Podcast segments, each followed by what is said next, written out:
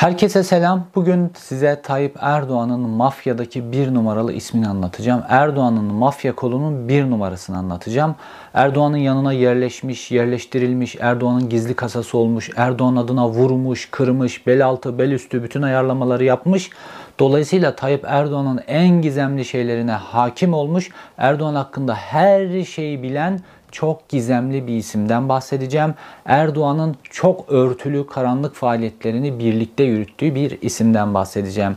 Bu isim Hasan Yeşildağ. Erdoğan'ın mafya alanındaki bir numarası. Hasan Yeşildağ'ın hayatının birkaç önemli periyodu var. Bunlardan birincisi 1980 öncesinde Erdoğan'la ve Erdoğansız olarak çevirdiği dolaplar, işlediği büyük suçlar, 1990'lı yılları 2000'li yılları ve AKP iktidarı dönemindeki devlete ve halka birlikte çöktükleri yıllar ve Hasan Yeşildağ'ın ajanlık faaliyetleri, farklı ülkeler adına yaptığı ajanlıklar, kendi grubu adına devlete yaptığı ajanlıklar ve potansiyel olarak Tayyip Erdoğan'ı sattığında Tayyip Erdoğan'ı can evinden vuracak potansiyeli taşımasıyla ilgili detaylı bilgiler. Huzurlarınızda karanlık adam, Erdoğan'ın en karanlık adamı Hasan Yeşildağ'ın portresi.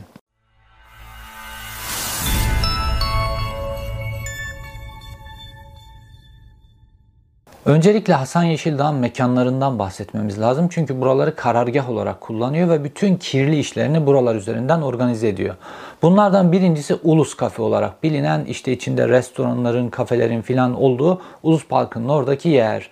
Burayı Hasan Yeşildağ karargah olarak kullanıyor. Bilal Erdoğan karargah olarak kullanıyor. Tayyip Erdoğan'ın kardeşi Mustafa Erdoğan burayı karargah olarak kullanıyor. En gizli toplantılarını, en karanlık işlerini burada yapıyorlar. Burada Hasan Yeşildağ tabii ki buranın üzerine çökmüş durumda. Çünkü bu Hasan Yeşildağ'ın böyle ballı börek yerleri vardır. Bunların hepsi İstanbul Büyükşehir Belediyesi'ne ait ve Tayyip Erdoğan İstanbul Büyükşehir Belediye Başkanı olduğu dönemde 3 kuruş kiralara buraları Hasan Yeşildağ verdi.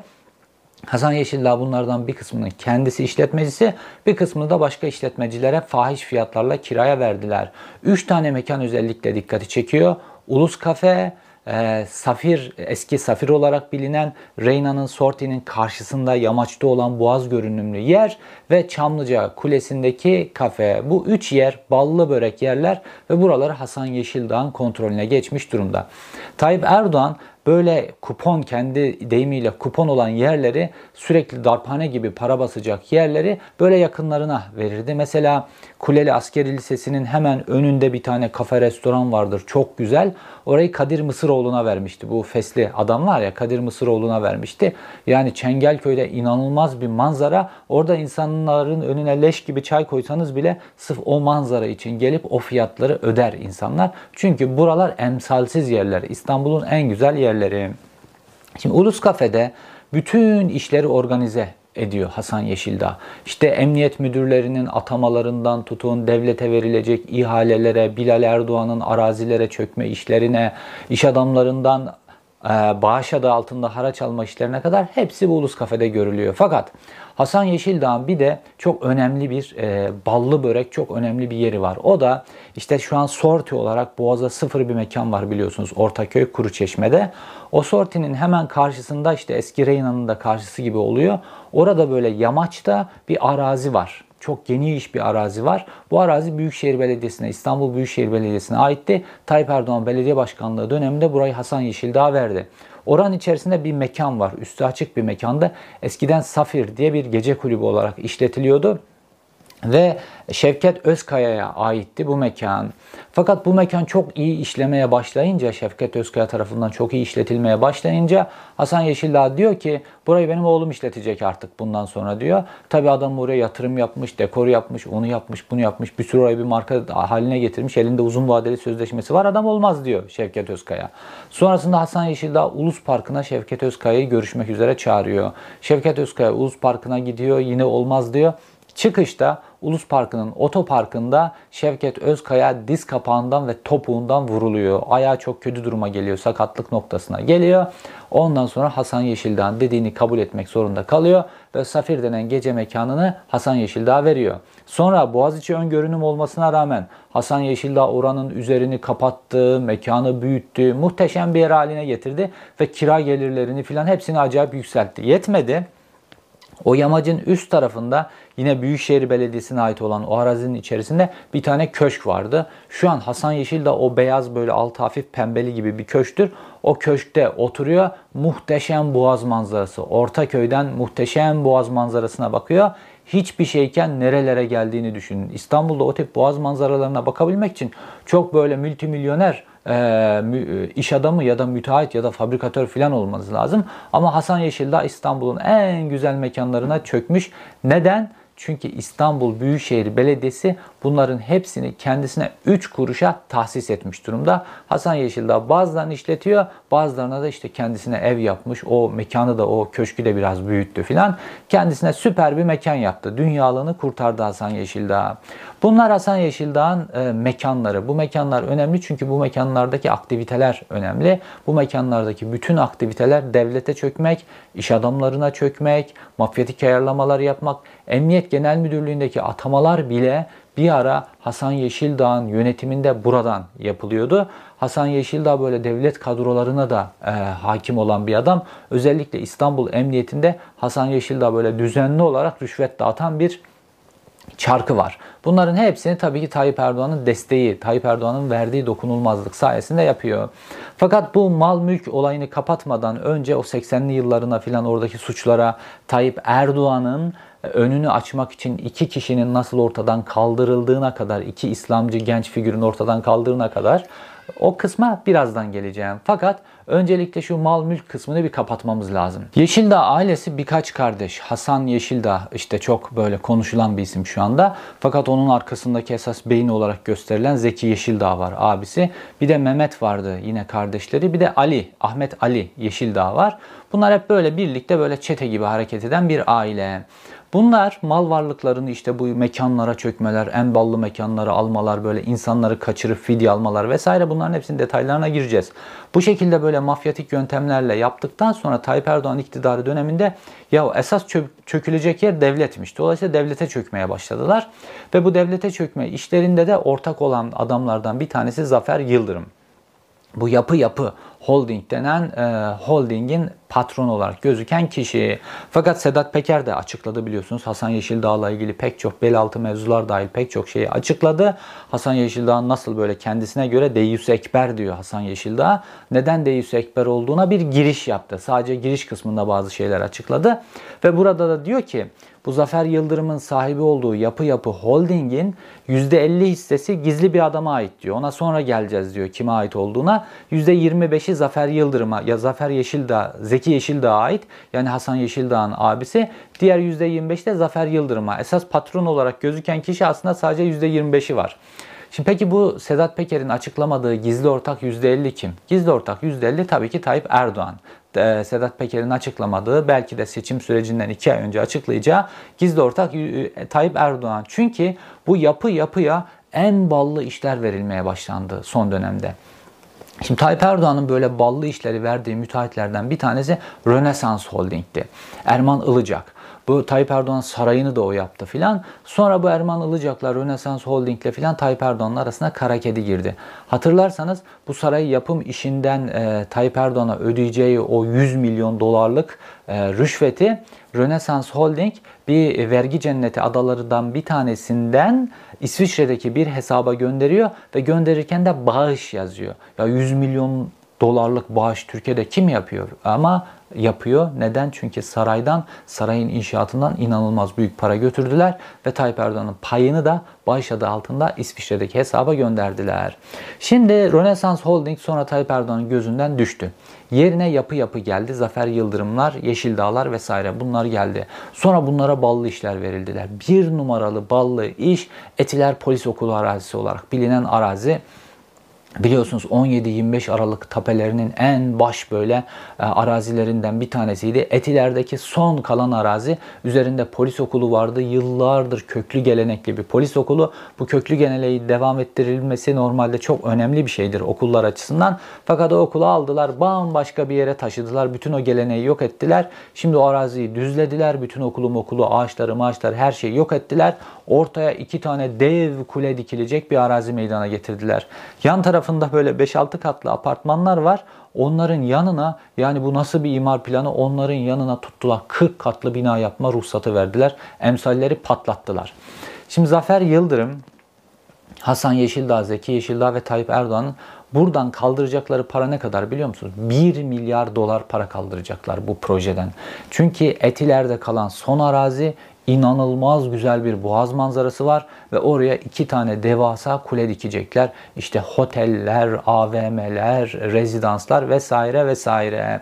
Şu an o arazideki inşaat sürüyor. Bir taraftan o arazideki inşaat sürüyor. 17-25'te normalde biliyorsunuz Yasin El Kadı'yla bu El-Kaide'nin sponsoru onunla yapacaklardı. 17-25'te bu patlayınca Yasin El Kadı da çekildi. Ondan sonra böyle Yasin El Kadı ile yapma işi de riske girince biraz beklediler, beklediler yıllarca. Şimdi Zafer Yıldırımlarla yapıyorlar. Peki bu inşaat nasıl yapılıyor? Yine kamu bankalarından ucuz finansmanla. Yani taş atıp da kolları yorulmuyor. İkinci bunlara verilen ballı bir arazide işte Atatürk e, Havalimanı'nın arazisi. Şimdi Atatürk Havalimanı'nın yıkım işini yapı yapıya verdiler. Şu an yapı yapının e, dozerleri orada pistleri de yıktılar. Binalı kısımlarına da geçiyorlar filan. Yeşilköy'de devasa bir araziyi yıkıyorlar. Yapım işinden, yıkım işinden bir büyük bir para kaldıracaklar. Sonra buranın yapım işi gelecek. Oraya yapılacak her şey altın değerinde işler. Bunların hepsi de tabii ki yapı yapıya verilecek. Hasan Yeşildağ ve Zafer Yıldırım, Tayyip Erdoğan ortaklığında buraya çökecekler. Fakat bu kadarla sınırlı değil. Bunlara başka pek çok iş verdiler. İşte mesela Yine Ankara'daki en sembol yerlerden bir tanesi Atatürk Kültür Merkezi AKM olarak bilinen eski Ankaralıların hipodrom olarak dedikleri yine şehrin ortasında kalmış işte Atatürk'ün 10. yıl marşını okuduğu yer böyle sembolik de bir yer. Oraya sözde millet bahçesi yaptılar. Orayı millet bahçesi gibi yaparken pek çok da mekan ortaya çıkardılar. Bu mekanların hepsinin kirası, işletmesi, osu busu vesaire çok büyük paralar. Bunları da beraber götürüyorlar. Yine enerji ihaleleri, altyapı ihaleleri yani milyarlarca dolarlık ihaleler verdiler yapı yapıya ve buradan hepsinden Hasan Yeşildağ'ın da cebi doluyor, Zafer Yıldırım'ın da cebi doluyor. Fakat büyük ortak olarak Tayyip Erdoğan'ın da cebi doluyor. Bunların çökme sistematiği bu şekilde. Halka, devlete, kamu kaynaklarına çöküyorlar. Fakat 1980 öncesine dönmemiz lazım. Çünkü 1980 öncesinde Hasan Yeşildağ'ın Tayyip Erdoğan'la ve Tayyip Erdoğan'sız işlediği suçlar bugün anlamamız açısından çok önemli. Hem Tayyip Erdoğan'ın önünün nasıl açıldığını anlamamız açısından hem de Hasan Yeşildağ'ın nasıl karanlık bir adam olduğunu anlamamız açısından. 1980 darbesinin öncesinde darbeye zemin hazırlama faaliyetleri var. İşte bunu askerler böyle bazı karanlık tiplerle, özellikle ülkücülerle, solcuların içerisindeki bazı tiplerle böyle sürekli olarak gerilimi yükselterek darbeye bir zemin hazırlıyorlar. Ve buradaki aktörlerden bir tanesi de işte Hasan Yeşildağ. Fakat gelin görün ki işte bu tip karanlık işlere, katliamlara imza atan adam Bugünün Türkiye'sinde medya sahibi patronu. Biliyorsunuz Star Gazetesi, Akşam Gazetesi, Kanal 24, işte e, Platin, 360, Alem Dergisi vesaire dergilerin, radyoların, televizyonların, gazetelerin içinde olduğu devasa bir medya grubu şu an Hasan önce Hasan Yeşildağ'ın üzerine geçirilmişti. Sonra Hasan Yeşildağ'ın bu skandalları filan bilindiği için abisi Zeki Yeşildağ'ın üzerine geçirildi. Ama bunların ikisi paravan biliyorsunuz. Bu medya grubu Tayyip Erdoğan'ın esas olarak. Esas olarak Tayyip Erdoğan'ın. Bunlar paravan. Şimdi gelelim 80'lerdeki hadiselere. Hasan Yeşildağ'ın 80'lerde iki tane büyük hadisesi var. Bunlardan bir tanesi gazeteci Abdi İpekçi'nin öldürülmesi, diğeri Papa suikasti. Bunların ikisinde de Hasan Yeşildağ'ın rolü var. Hatta Mehmet Ali Ağca biliyorsunuz sözde bir yanlış karışıklıkla 2006 yılında serbest bırakılmıştı. Bir yanlış yargı kararıyla sözde 2006 yılında serbest bırakılmıştı. Sonrasında böyle kamuoyunda çok büyük bir öfke oluşunca, medya çok tepki gösterince o dönem Mehmet Ali Ağca sonradan ya yanlışlık olmuş filan diye sonra tekrar tutuklandı. O zaman e, kardeşi Adnan Ağca cezaevinin kapısında abisinin çıkmasını bekliyor. Çok sinirlendi ve gazetecilere bir demeç verdi. Orada dedi ki Hasan Yeşildağ Tayyip Erdoğan'ın gizli kasası, her gün Tayyip Erdoğan'la gizli gizli görüşen Hasan Yeşildağ, sen de Mehmet Ali Ağcan'ın suç ortağısın Papa suikastinde, Kartal'da vesaire beraberdiniz filan diye Hasan Yeşildağ'ın Papa suikastinde Mehmet Ali Ağca ile birlikte olduğunu oradan uç verdi. Sonrasında Mehmet Ali Ağca cezaevinden çıktığında da Hasan Yeşildağ'la ilgili konuşmasın diye Mehmet Ali Ağacı'ya bazı böyle işte mekanlar filan biraz cebinin dolacağı filan bazı şeyler verildi. Mehmet Ali Ağacı'yı bu şekilde susturdular. Şimdi Abdi İpekçi suikastinde de çok açık rolü var. Fakat bunların hepsinden yırtıyor Hasan Yeşildağ. Bunların hepsinden nasıl yırtıyor? Burası son derece önemli. Normalde polis Hasan Yeşildağ alıyor. Fakat Hasan Yeşildağ alındıktan sonra hemen bütün arkadaşlarını satıyor. Bütün o ülkücü arkadaşları var hepsini satıyor. Hepsinin hakkında bütün bildiklerini anlatıyor. Bütün yapıyı anlatıyor. Hangi suçlara nasıl karışmışlar filan. Hepsini itirafçı olarak bir şekilde anlatıyor bunların hepsini. Polisle işbirliğine gidiyor. Belki de zaten bu işleri yaptığı sırada polis polis adına, emniyet adına ya da istihbarat adına ülkücü grupların içerisindeki ajandı belki de. Dolayısıyla Hasan Yeşildağ bir şekilde bu işin içerisinden tereyağından kıl çeker gibi ayırıyorlar ve Hasan Yeşildağ İsviçre'ye kaçıyor. Fakat İsviçre faslı da aynı. İsviçre'de de işte para yapabilmek için önce uyuşturucu işine giriyorlar. İşte Sedat Peker'in anlattığı gibi kendi kız arkadaşını dolandırmaktan banka dolandırmaya kadar pek çok işin içerisine giriyorlar. Ve nihayetinde bir de İsviçre'de devlet adına sözde büyük bir iş yapacaklar. O da ne? İşte Asala'ya karşı eylemler. Şimdi burada birkaç bir şey söylemek istiyorum. Biliyorsunuz Asala dediğimiz e, işte örgüt e, Ermeni direnişçilerin kurduğu bir örgüt ve özellikle Avrupa'da Türk diplomatlara yönelik suikastler düzenleyen bir örgüttü. Ve bu suikastlerin Türk diplomatlara yönelik bu suikastlerin durdurulması için de karşı bir yöntem belirlendi. Ve işte bu Asala'nın önemli isimlerinin Avrupa'da öldürülmesiyle ilgili bir projeydi. Orada Asala'ya karşı bazı eylemler yapıldı ve bu eylemlerde de böyle sanki ülkücüler kullanılmış gibi bir maske oluşturuldu orada.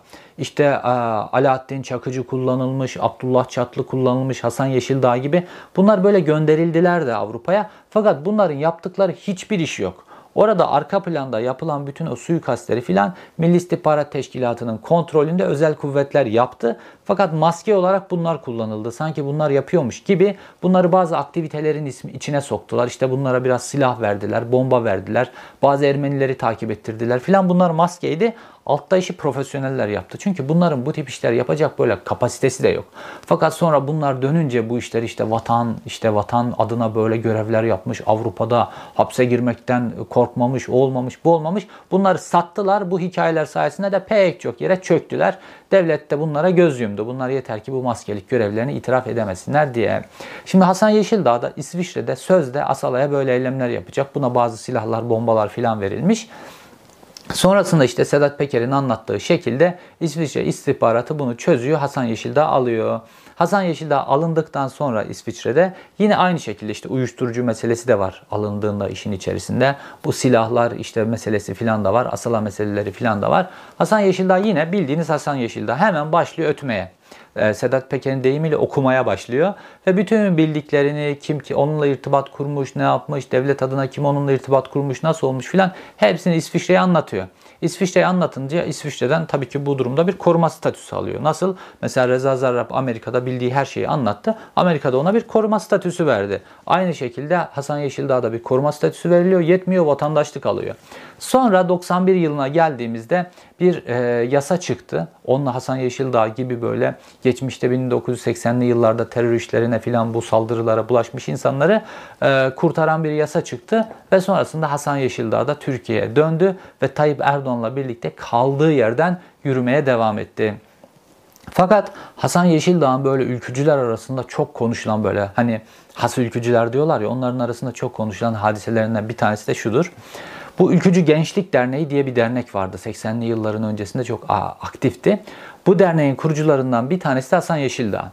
Ve bu Ülkücü Gençlik Derneği'nde böyle gençleri gaza getiriyorlar, motive ediyorlar. Hasan Yeşildağ bunlara silah filan veriyor.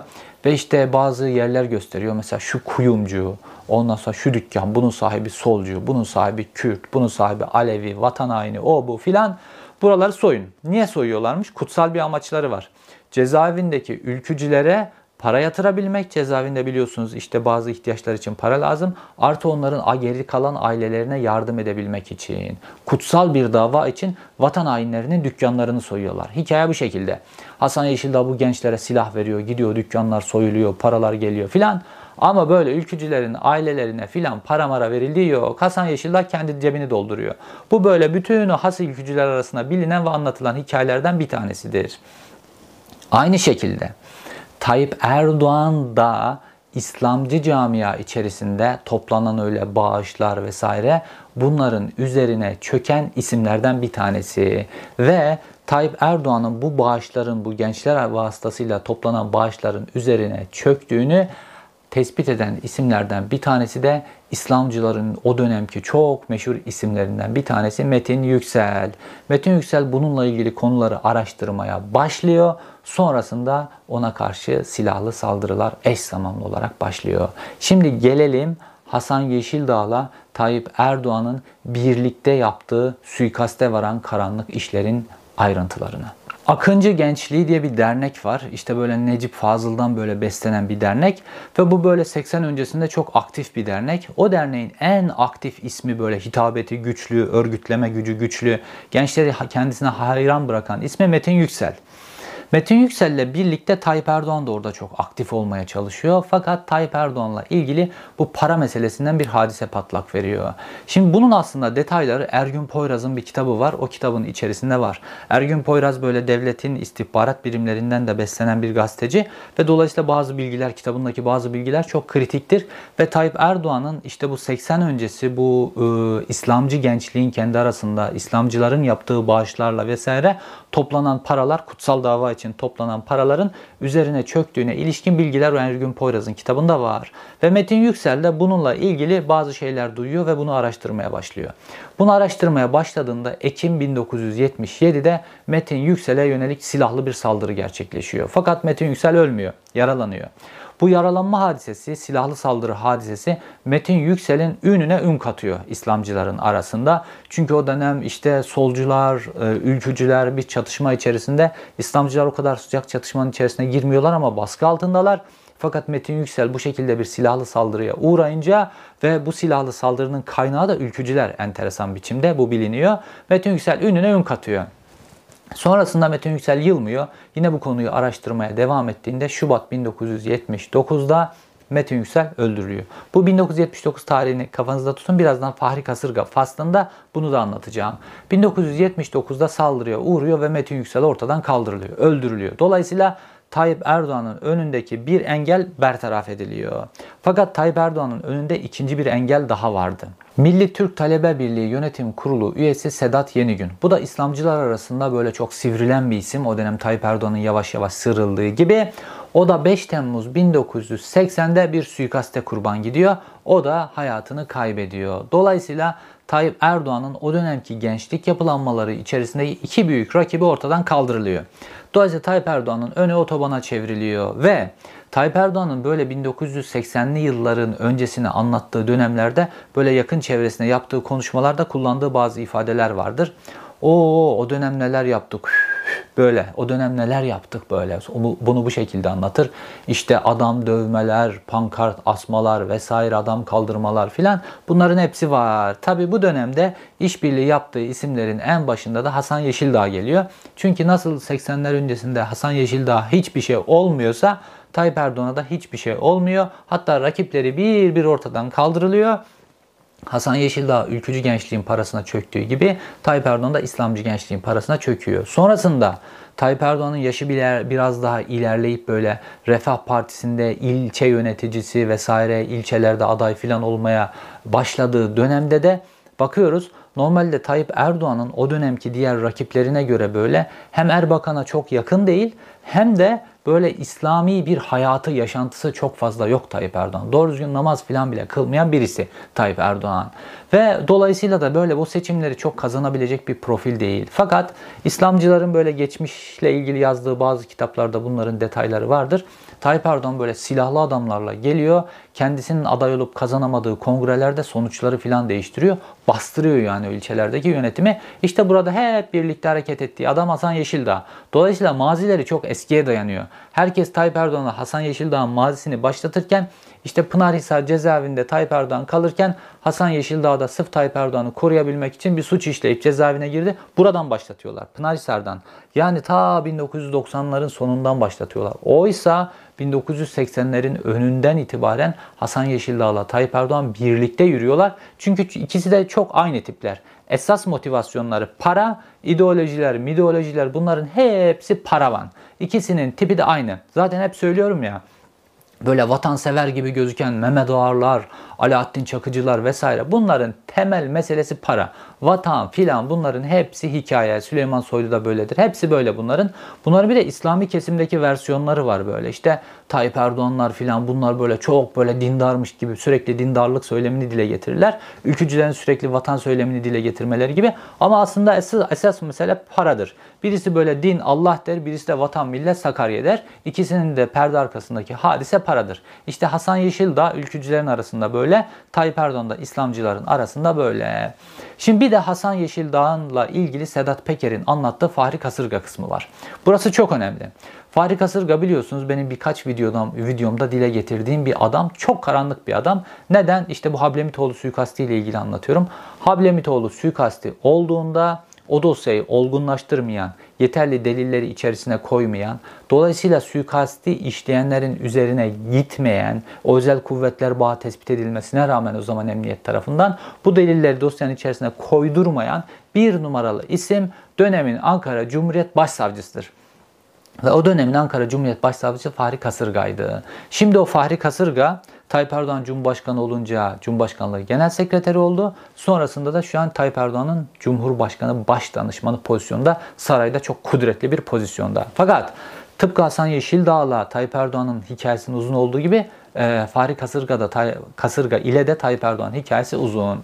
Şimdi Sedat Peker şöyle bir şey söyledi. Dedi ki 1980 öncesi ülkücüler eylemler yapıyorlardı ve ülkücüler bu eylemler yaparken hepsi yakalanıyordu, hapse giriyordu, ölüyorlardı filan. Ama Hasan Yeşildağ da ülkücülerin arasında popülaritesini arttıracak eylemlere imza atıyordu. Fakat onun başına hiçbir şey gelmiyordu. Ve bunun başına nasıl bir şeyler gelmediğini yine Hasan Yeşildağ'ın kendisine anlattığı olaylardan anlatıyor. Hasan Yeşildağ Sedat Peker'e demiş ki o dönem bombalı eylemler yapıyorduk. Fakat bu bombalı eylemlerin hiçbirisine yakalanmıyorduk. Çünkü o dönem Fahri Kasırga yedek subay olarak askerliğini yapıyordu. Benim eylem yaptığım, saldırı yaptığım yerin bir sokak arkasında beklerdi. Ben saldırı yaptıktan sonra gelir onun aracına binerdim. Onun da askeri kimlik kartı olduğu için başına hiçbir şey gelmezdi. Bu şekilde bütün saldırılardan kurtulurdu. Şimdi normalde Hasan Yeşildağ'ın o dönem ismi Ümraniye bombacısına çıkmıştı ülkücü camianın içerisinde. Çünkü işte bu Ümraniye e, bombalaması 12 Eylül'ün zeminini oluşturan en önemli saldırılardan bir tanesidir. Fakat buna rağmen Hasan Yeşildağ'ın başına hiçbir şey gelmiyor. Hiçbir saldırıda yakalanmıyor. Çok profesyonel filan falan böyle hikayeler anlatıyor ama sonrasında Sedat Peker herhalde dost ortamında böyle kafaları iyiyken filan anlattığı hikaye bu. Fahri Kasırga onu koruyormuş. Fahri Kasırga'ya da baktığımızda hakikaten de Sedat Peker diyor ya bu olayların çek edilmesi lazım. Baktığımızda Fahri Kasırga 1978 yılında Rize'de hakimliğe başlıyor. 1979 yılında e, askere gidiyor yedek subay olarak askerliğini yapıyor ve baktığımızda da işte 1979 yılında bütün bu hadiselerin döndüğü zamanlar. Biraz önce 1979 aklınızda tutun dedim ya. Bütün bu Hasan Yeşildağ'ın hadiselerinin döndüğü zamanlar 1970. Tam 12 Eylül askeri darbesinden bir sene öncesinden bütün hikayeler gerçekleşiyor. Fakat Fahri Kasırga'nın enteresanlığını görüyor musunuz? Fahri Kasırga o dönem Hasan Yeşildağ'la birlikte bu işleri yapıyor. Şimdi bu işleri yapıyorsa şuna emin olun ona 12 Eylül'ün zeminini hazırlamakla ilgili bir görev verilmiştir bu adama. Bu adam da işte hakim, ondan sonra asker filan o dönemde ve dolayısıyla da bu adamla birlikte Hasan Yeşildağ'la birlikte bu işi yapıyorlar ve Hasan Yeşildağ da bu görevi alması gereken yerden aldığı için bu görevi ifası sırasında başına hiçbir şey gelmiyor. Sonrasında delilli biçimde mahkemeye yansıdıktan sonra bile başına hiçbir şey gelmeyip bu işin içerisinden sıyrılıp Avrupa'ya gitmesine izin veriliyor. Bu şekilde Hasan Yeşildağ'la Fahri Kasırga'nın hikayesi bu şekilde. Fakat sonrasında Hasan e, Fahri Kasırga ile Veli Küçük'ün de tapeleri çıktı. Bunu bir önceki videomda anlatmıştım. İşte 90'lı yıllarda, 2000'li yıllarda da Veli Küçük'le çok kanka bu Fahri Kasırga. Şimdi de Tayyip Erdoğan'la kanka Fahri Kasırga. E, baktığımızda Tayyip Erdoğan'ın önünü açan 1980 öncesi Hasan Yeşildağ Fahri Kasırga Görüyor musunuz? Aynı ekip böyle. Aynı ekip sürekli beraber yürüyorlar. Birbirlerinin önünü açıyorlar. Birbirlerinin suçlarını kapatıyorlar. Birlikte suç işliyorlar vesaire. Hep birlikte yürüyorlar. Baktığımızda uzun 30-40 yıllık bir suç hikayesinden bahsediyoruz aslında. Böyle birisinin sağda, birisinin solda, birisinin ülkücüler arasında, birisinin İslamcılar arasında falan olduğuna hiç bakmayın. Bunlar hep birlikte yürürler. O Reyna'nın meşhur eski sahibi vardı böyle çok solcu falan böyle geçinirdi piyasada. Ona da baktığımızda onun bütün işlerini Hasan Yeşildağ çözerdi. Sözde Hasan Yeşildağ çok ülkücü o da çok solcu falan. Hep birlikte çalışırlar. Asıl mesele paradır bu hikayenin içerisinde. Şimdi gelelim Hasan Yeşildağ'ın 90'lı yıllarına. 90'lı yıllarda Hasan Yeşildağ'ın meşhur konuşulan hadisesi Tayyip Erdoğan'la birlikte cezaevine girişi. Dediğim gibi işte 91 yılında bu bir yasal değişiklik oldu ve böyle Avrupa'daki pek çok böyle ülkücü, solcu filan o dönem terör hadiselerinden arananları Türkiye'ye gelebilmesinin önü açıldı. Sonrasında bu yine mafyatik faaliyetlerine devam ediyor. İşte adam kaçırma yapıyor, fidye işlerine giriyor, soygun işlerine giriyor. Hasan Yeşildağ, Zeki Yeşildağ Ali Yeşildağ, Mehmet Yeşildağ bütün bu kardeşlerin işleri bu. Zaten Sedat Peker anlattı. Sonra cezaevinde onlarla karşılaşıyor. Cezaevinde adam öldürmeleri vesaire bunların hepsini anlatıyor. Fakat bunlar adam öldürmüş. Uyuşturucu ticareti yapmış. Bombalı saldırı yapmış. Her şeyi yapmışlar. Fakat serbestler ve zenginliklerine zenginlik katıyorlar. İstanbul Ortaköy'de yalıda oturuyor, köşkte oturuyor adam. Hayat güzel bunlara. Bunlara hiçbir şey olmuyor. Neden? Çünkü bu işleri bir çete olarak birlikte yapıyorlar ve hep birlikte birbirlerini koruyorlar. Bu çeteyi dağıtacak tek şey bağımsız yargıdır. Fakat bağımsız yargı ortadan kaldırıldı. Şimdi gelelim 90'lı yıllara. 90'lı yıllarda Tayyip Erdoğan biliyorsunuz bir şiir okudu ve bu şiir nedeniyle 3 ay Pınarhisar cezaevine kondu. Tayyip Erdoğan'ın meşhur edilmesi süreci. Şimdi bu cezaevine konduğunda Tayyip Erdoğan'ın yanına Hasan Yeşildağ giriyor. Şimdi normalde anlatılan hikaye böyle Tayyip Erdoğan e, taraftarlarının anlattığı, Tayyip Erdoğan'ı destekleyen yazarların anlattığı hikaye şu şekilde. Çünkü onlar da Zeki Yeşildağ'dan e, mülhem olarak anlatıyorlar. Şimdi Zeki Yeşildağ Tayyip Erdoğan cezaevine girince bir e, suikast istihbaratı alıyor. Tayyip Erdoğan'ı cezaevinde şişleyeceklermiş. Ve hemen Zeki Yeşildağ kardeşine diyor ki yapacak bir şey yok diyor. Sen de hemen bir suç işleyeceksin. Tayyip Erdoğan'ın yanına cezaevine gireceksin ve bunu koruyacaksın diyor. Ve Hasan Yeşildağ da hemen bir çeksene suçu işliyor. Tutuklanıyor. Cezaevine giriyor. Tayyip Erdoğan yanına konuyor. Şimdi böyle bir garantili bir düzen yok. Ben bir suç işleyeyim. X kişisinin yanında cezaevinde kalayım. Böyle bir düzen yok. Bir kere bir suç işlediğinizde her suç böyle kategorisindeki insanları ayrı yerlere koyarlar. Mesela Tayyip Erdoğan siyasi suçlu ya. Siyasi suçlularla adli tutuklular asla yan yana konmazlar. Ben de cezaevinde siyasi suçlu olarak kaldım 2015 yılında. Tamamen etrafımız siyasi suçlularla doluydu. Hiçbir tane adli tutuklu adam öldürmekten, adam yaralamaktan, uyuşturucudan, çeksenet işinden filan onları görmüyorsunuz bile. Çünkü bunların ikisini bir yan yana koymak ne demek biliyor musunuz? Adli tutuklular, siyasi tutuklular ezer, mahvederler. Onların öyle onlarla mücadele edebilecek şey, zalimlikleri filan öyle kuvvetleri filan yok yani. Ama normalde böyle olmasına rağmen enteresan biçimde adam suçu işliyor onu tutuyorlar. Pınarhisar cezaevine gönderiyorlar. İstanbul'da pek çok cezaevi olmasına rağmen nedense onu da Pınarhisar'a gönderiyorlar. Sonra Pınarhisar'da tam da getirip Tayyip Erdoğan'ın koğuşuna koyuyorlar. Normalde biri çeksenet tutuklusu, birisi siyasi tutuklu. Yan yana kalma ihtimalleri yok. Fakat bunların hepsi ayarlanıyor. Nasıl ayarlanıyor? Arkalarında o dönem Adalet Bakanlığı'nda kuvvetli olan Fahri Kasırgaları var. Arkalarında o dönem Yüksel Kocamanları var. Yüksel Kocaman kim o dönem? Pınarhisar Cezaevi Savcısı. Şimdi bu Yüksel Kocaman isminin, isminin üzerinde durmamız lazım. Çünkü bu da bu çetenin en genç elemanlarından şu anda. Bu çetenin kazandığı en genç elemanlardan. Şimdi Yüksel Kocaman cezaevi savcısı iken yine bu İslamcıların kitaplarında Bir Liderin Doğuşu diye bir kitap var. Orada böyle anlatılan bir hadise var. Yüksel Kocaman bir gün işte keşiften geliyor filan bir koğuşları dolanayım filan diyor. Bakıyor Tayyip Erdoğanlar mangal yakmış balık yiyorlar cezaevinde. Ondan sonra o da oturuyor yemeğe. Ondan sonra balıkları yiyorlar falan filan. Sonra Yüksel Kocaman diyor ki böyle iki kişi işaret ederek diyor. Diyor ki şu iki kişi diyor hangi koğuştan diyor. E, kimi soruyorsunuz diyor Hasan Yeşil'de. O da diyor ki şu iki tane diyor papyonlu e, yelekli kişilerdi. Onlar garson efendim diyor. Cezaevinin e, de kalan mahkum tutuklu falan değiller. Yüksel Kocaman da diyor ki ya cezaevine dışarıdan adam mı soktunuz falan diyor. O Hasan Yeşildağ da diyor ki e diyor balıklar dışarıdan olunca diyor garsonlar da dışarıdan oluyor haliyle diyor. Bakar mısınız olaya? Normalde bir savcı geldiğinde ulan bu mangal ne? Bu balıklar ne? Bu garson ne? Bu nasıl ortam filan. O da soruşturma başlatıp o mangalı içeriye sokan, garsonları içeriye sokan herkesle ilgili soruşturma başlatılması lazım. Ya ben cezaevinde kalırken ayakkabının o kenarındaki halka var ya hani ipin ayakkabının geçirdiğiniz halka o kenarındaki halkadaki o demir var ya demir var diye ayakkabıyı içeri almıyorlardı Silivri'de. Adamın olaya bak mangal sokuyor. Bırak o küçücük e, ipliğin kenarındaki demiri mangal sokuyor adam içeri garsonuyla birlikte balığıyla birlikte şişiyle birlikte kebabıyla birlikte. Yüksel Kocaman böyle bir adam.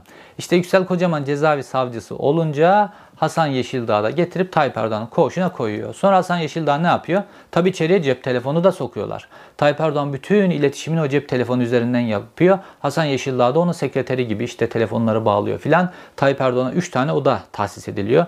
Birisi yattığı, dinlendiği oda, birisi misafirlerini ağırladığı oda, bir tanesi de çalışma odası. Ve Tayyip Erdoğan o dönem sözde İngilizce dersler alıyor. Bu İngilizce dersleri adı altında da Tayyip Erdoğan'ın önünü açan bu adamlar, önünü açan istihbarat çalışma çalışması yapan kişiler Tayyip Erdoğan'la düzenli olarak cezaevindeyken de görüşüyorlar. Tayyip Erdoğan'ın önü bu şekilde açılıyor. Yani Refah Partisi'ne açılan kapatma davası ve öncesinde yaşanan hadiselere 80'lerden gelişe baktığımızda Refah Partisi'ne açılan kapatma davası Tayyip Erdoğan'ın önünü açma davasıdır aslına bakarsanız. Ve bu aktörlere baktığınızda da işte Refah Partisi'ne kapatma davası açan e, Yargıtay Cumhuriyet Başsavcısına baktığımızda Fahri Kasırga ile kanka.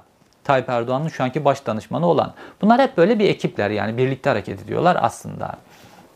Neyse cezaevinde böyle kalıyorlar bunlar sonra cezaevinden çıktılar neyse. Fakat bu Yüksel Kocaman'a devam etmemiz lazım. Cezaevi savcısı Tayyip Erdoğan'a balık kebap yediren cezaevi savcısı.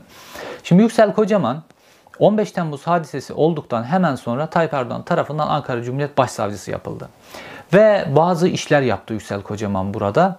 İşte e, mesela e, hatırlıyor musunuz Selahattin Demirtaş için Avrupa İnsan Hakları Mahkemesi tahliye yönünde karar verdi. Sonra hemen yeni bir soruşturma, yeni bir tutuklama icat edip tekrar tutukladılar başka bir soruşturmadan Selahattin Demirtaş'ı ve cezaevinden dışarı çıkarmadılar. Çünkü Demirtaş siyaset sahnesinde olursa Tayyip Erdoğan'ın iktidarı tehlikede. Çünkü oylarını 15'in üzerine doğru tırmandırıyor.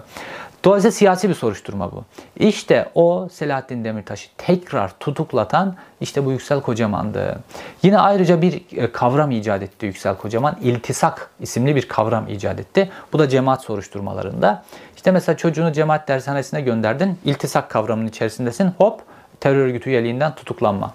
İşte bankasıya para yatırdın hop iltisak kavramının içerisine giriyorsun tutuklanma. TSK'dan ihraç, ordudan ihraç, memurluk görevinden ihraç bir iltisak kavramı icat ettiler. Ve bu iltisak kavramının hukuka uymadığına yönelik Yargıtay bir karar verdi. Yüksel Kocaman çıktı, Yargıtay'ı tehdit etti ve sonrasında Yüksel Kocaman'la e, bu iltisakla ilgili kararını geri aldı. Yani Yüksel Kocaman Yargıtay'ın üzerinde bir adam. Böyle kuvvetli bir adam. Fakat bu iltisak kavramı mesela bazı insanlara işler. Mesela Tayyip Erdoğan da çocuklarını, kızlarını cemaat dershanesine göndermiştir. Ona işlemez mesela. İşte Berat Albayrak cemaatin okuluna gitmiştir. Ona işlemez mesela. Şu an mesela başka mesela e, sol camianın içerisindeki bazı kişiler de mesela böyle e, cemaatle iltisak sayılabilecek ilişkiler içerisine girmişlerdir.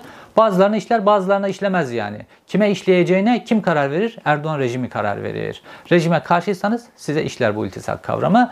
Ee, Ahmet Şık'ı bile cemaatçi yaptı bu yargı. Enteresan bir hadise. Şimdi bu Yüksel Kocaman'ı bir de bildiğimiz başka bir nokta var. Hatırlıyorsanız bu işte 15 Temmuz hadisesinden sonra evlendi. Evlendikten sonra Tayyip Erdoğan'ın o gün işi vardı. Bunun şeyine gidemedi, düğününe gidemedi. Tayyip Erdoğan düğününe gidemeyince düğün sonrası akşam saatlerinde gelinlik ve damatlıkla Tabi düğünde giydiği gelinlik ayrı böyle biraz daha şey. Tayyip Erdoğan'ın yanına giderken daha kapalı bir gelinlik giyiyor gelin. Ondan sonra Tayyip Erdoğan'ın yanına gittiler el öpmeye. Ankara Cumhuriyet Başsavcısı Tayyip Erdoğan'ın elini öpmeye saraya gitti. İşte yargı budur. Amerika Birleşik Devletleri'nde hatırlıyor musunuz?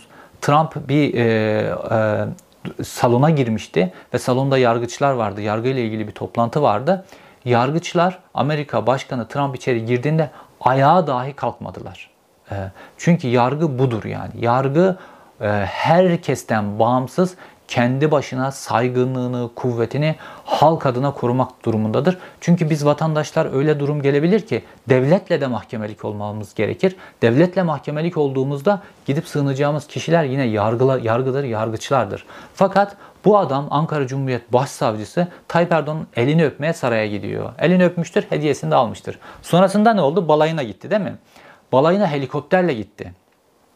Ankara'dan balayına helikopterle gitti. Sen bu helikopterin parasını e, savcı maaşıyla mı ödedin? Ondan sonra ultra lüks orada tatil yaptı filan. Böyle bir adamdır Yüksel Kocaman. Dolayısıyla cebi dolmuştur ve bu ağın Fahri Kasırgalar, Tayyip Erdoğanlar, Hasan Yeşildağlar vesaire bu çetenin en genç elemanıdır ee, Yüksel Kocaman. Ve Yüksel Kocaman şu anda Yargıtay üyesi yapıldı. İşte geleceğe yönelik olarak herhalde Yargıtay Başkanlığı'na doğru filan hazırlanıyor. Oraya bir tane adamlarını adapte ettiler. Onu böyle hazırlıyorlar. Ayrıca işte bu 15 Temmuz sonrasındaki soruşturmalar Yargıtay'a gidiyor ya onların Yargıtay'da onaylanması hadiseleri var. Normalde Yargıtay bu yargılamaların pek çoğuna baktığında özellikle askerler kısmında pek çok şüpheli hadiseler var. O gün 15 Temmuz'la ilgili vesaire. Bunlar hiç konuşulmasın diye Yüksel Kocaman oradaki Tayyip Erdoğan'ın gözü. Orada yargıda özellikle böyle kritik 15 Temmuz davaları ile ilgili hiçbir şey dosyalara girmesin. Yargıtay'da bile, Yargıtay aşamasında bile bu konuşulmasın diye Tayyip Erdoğan'ın gözü, çetenin en genç elemanı işlerini yapmaya devam ediyor. Fakat totalde baktığımızda bu Hasan Yeşildağ 1980 öncesi hareketleri, 1990'lardaki işleri, 2000'lerdeki işleri ve şu anda işte yapı yapı başka şirketler üzerinden devletin kaynaklarına milyarların üzerine, milyarlarca dolarların üzerine çökme hadiselerine baktığımızda son derece karanlık bir profil görüyoruz. Fakat bu adam 1980 öncesi ülkücü arkadaşlarını sattı. İsviçre'deyken devleti sattı. Şimdi de Şimdi de Tayyip Erdoğan'la ilgili en gizemli şeyleri biliyor. Sedat Peker bunların bel altı meseleler olduğuna ilişkin de bazı mesajlar verdi orada. Dolayısıyla e, Hasan Yeşildağ Tayyip Erdoğan için öldürmüş, Tayyip Erdoğan için vurmuş, Tayyip Erdoğan için kırmış, Tayyip Erdoğan için her türlü suçu işlemiş, Tayyip Erdoğan için çökmüş, Tayyip Erdoğan için şu anda yolsuzluklar yaparak kamu kaynaklarına çöküyor. Dolayısıyla Adnan Ağcan'ın o cezaevi kapısında söylediği laf var ya, Tayyip Erdoğan'ın gizli kasası, Tayyip Erdoğan'la gizli gizli görüşüyorlar. İşte Mehmet Ali Ağca hadisesinde böyleydi filan. Böyle herkes biliyor aslında. Ve en yumuşak karınlardan bir tanesi. Çünkü kendi lüksünden, konforundan asla taviz vermez Hasan Yeşildağ ve satmaya da zaten alışık birisi. Dolayısıyla devran değiştiğinde Tayyip Erdoğan'ı satacak Tayyip Erdoğan'ın bütün bu suçlarını masanın üzerine dökecek bir numaralı adam kim derseniz şu an Tayyip Erdoğan'ın bu karanlık işlerdeki bir numaralı adamı olan Hasan Yeşildağ derim. İzlediğiniz için teşekkür ederim. Bir sonraki videoda görüşmek üzere.